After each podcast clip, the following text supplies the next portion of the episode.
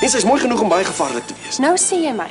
Maar nie naasten by so mooi of gevaarlik soos jy nie. Moenie nou kom wit voetjies soek nie meneer Kiriakis, dit is te laat.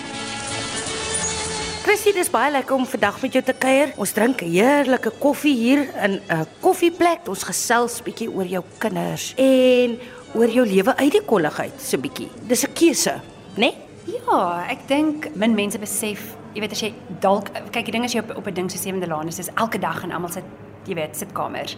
So as jy van dit afgaan dan voel hulle half jy verdwyn iewers heen. So baie mense sê vir my, "Maar wat doen jy nou met jouself?" Asof ek net dit kan doen of jy weet, niks anders nie. Maar ehm um, ja, dit was nogal 'n keuse vir my. Dit was dit was intens daai tyd in my lewe en en toe ons Kaap toe getrek het, het ek net gevoel ek wil bietjie bietjie minder in die kollig wees. Ehm um, dit is maar net my persoonlikheidstipe. Dis nie almal wat so voel nie. Dis net iets wat vir my gewerk het. En so nou kies ek half, jy weet, my projekte, my kinders is nou uh, op 'n ouderdom waar hulle my nodig het. So ek dink net die kollig vat nogal baie van jou mm. en ek weet nie of ek nou dit het om te gee nie. Ek is nou waar ek net, jy weet mense, tog mos die lewe is mos so, daar's mos seisoene. Ek's nou in 'n seisoen waar dit bietjie minder gaan oor my want as jy in die kollig is, gaan dit alles oor jou. En ehm um, bietjie meer gaan oor my familie en my kinders. En en en ek kies dit so. Dis my lekker. Dis my lekker lekker tyd in my lewe. Jy's ook besig met kreatiewe projekte en dan was daar nou op 'n kol waar jy iets geskiet het, het jy gesê iets is 10 dae lank en dit was vir jou lekker? Ja, ek het onlangs ehm um, saam met heerlike vervaardigers gewerk om 'n show vir Via te skiet. Uh die naam is Hou vrou of trou vrou. Dit kom binnekort uit einde September. So een van daai projekte wat ek glad nie omgegee het om tyd dan af te staan nie want dit was 'n baie lekker span. Vinnig in en uit die kinders het my net 2 weke nie by die huis gehad nie. Dit was vir hulle natuurlik baie lank dit gevoel is. 3 maande. Ja so dis die tipe projek wat ek graag aanpak en um, ek dink dit gaan nogal interessant wees om om te kyk. So hou die skerm dop. Nou as Nico weggaan hier met die survivor goeders wat gebeur dan tuis as jy dan nou vir 2 maande lank alleen Ek het 'n oulike man wat um, om om baie mooi alles vir ons gereël het en hy het met produksie 'n deal dat sy familie saam met hom reis. Wow. Juis omdat dit so lank is. Um, hy hy het een keer sonder ons gereis. Ons kleinste dogtertjie sy het baie siek geword en dit was vir hom traumaties en die span het net gesê, "Aa, ah, ah, hierdie man se kinders moet by hom wees." So ons reis saam met hom. Ehm um, so vir daai 2 maande is ons oor see. Ons het nou al 4 keer gegaan, 2 keer oor see en dan 2 keer plaaslik. So ons reis saam vir Survivor, grootste grootste seëning in ons lewens. Ons almal geniet dit verskriklik baie. Want ek wou nou net vir jou gesê dit is eintlik jy's so bevoordeel om dit te kan doen, hè? Ja, nou en ons is ook ouers wat nie te bekommerd is oor ek sal nie sê nie te bekommerd nie, maar ons is nie te gefokus op akademies en dit voel vir my my kinders moet baie eerder EQ en goeie maniere en waardes hê. Um en die wêreld ken en wêreldwys wees eerder as net by the book. So dit voel vir my daai gee vir ons 'n baie goeie platform vir die kinders om te reis, om kulture te leer ken, om die wêreld te leer ken. So dis vir my skool. Daai is vir my die belangrikste skool, is dat hulle kan funksioneer in die wêreld. So dit skep vir ons daai platform. Ja, met dit dat ons so vreeslik reis, kyk ons gaan vir 2 maande op beslag. So ons het besluit om vir nou tuiskool te doen, maar dit is aanlyn, so daar is darem 'n syllabus, ek hoef dit nie self uit te werk nie.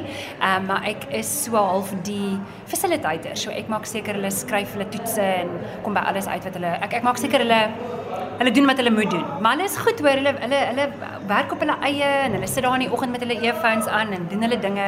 En ek dink weer eens is dit 'n baie goeie skill want wat met baie kinders gebeur is jy's op skool, alles word vir jou gegee, dan moet jy universiteit toe gaan, dan moet jy alles op jou eie doen. So dis amper asof mense hulle reeds oplei en ek dink ook is 'n baie goeie leerskool vir en ekskuus ek gaan nou Engels sê, maar ek kan nou nie dink aan die Afrikaanse woord nie vir self-management. Want kom hulle op universiteit dan moet hulle dit doen. So hierdie is 'n baie goeie oefenskool vir dit. Dit is so altyd so interessant as ek vir jou sê maar ag Christy, jy lyk pragtig en jy het 'n baie mooi man en so. So dan daar buite sien mense julle as hierdie volmaakte paartjie. Maar wat het jy te sê vir daai mense wat sê kyk hoe perfek lyk hulle? Soos modelle.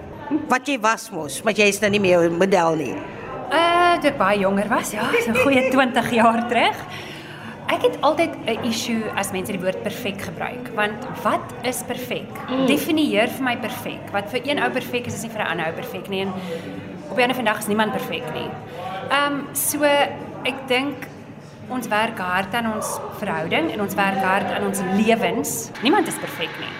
Maar ons werk hard aan aan goeie vrugte en en ja, hopelik hopelik is dit wat mense op die einde van die dag raak sien. Maar ek is a work in progress till the day I die. Jy sê jy is soos 'n salm wat altyd ander kant toe in die teenoorgestelde rigting swem. Hoekom is jy so hardkoppig, Christy? Man, ek weet nie of ek hardkoppig is nie. Ek dink ek is slim.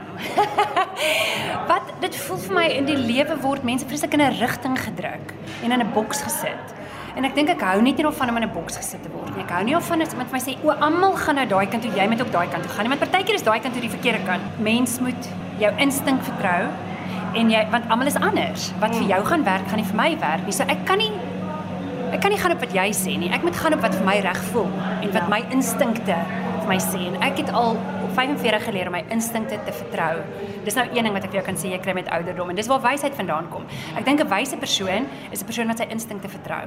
So so so baie keer kom dit dan voor asof ek 'n salmon is want dit gaan heeltemal in 'n ander rigting. Maar dit voel vir my dis die regte rigting en dis wat saak maak. So ja, ek ek vind myself soms 'n bietjie rebels wees. Ehm um, maar eintlik is daai rebels kom eintlik net uit die regte ding wil doen. Eintlik, dis waar dit vandaan kom. Dit is nogal interessant om te sien hoe mense so, hoe mense net so anders kan dink. Maar ek dink dis wat my my maak. So ek is dankbaar vir dit.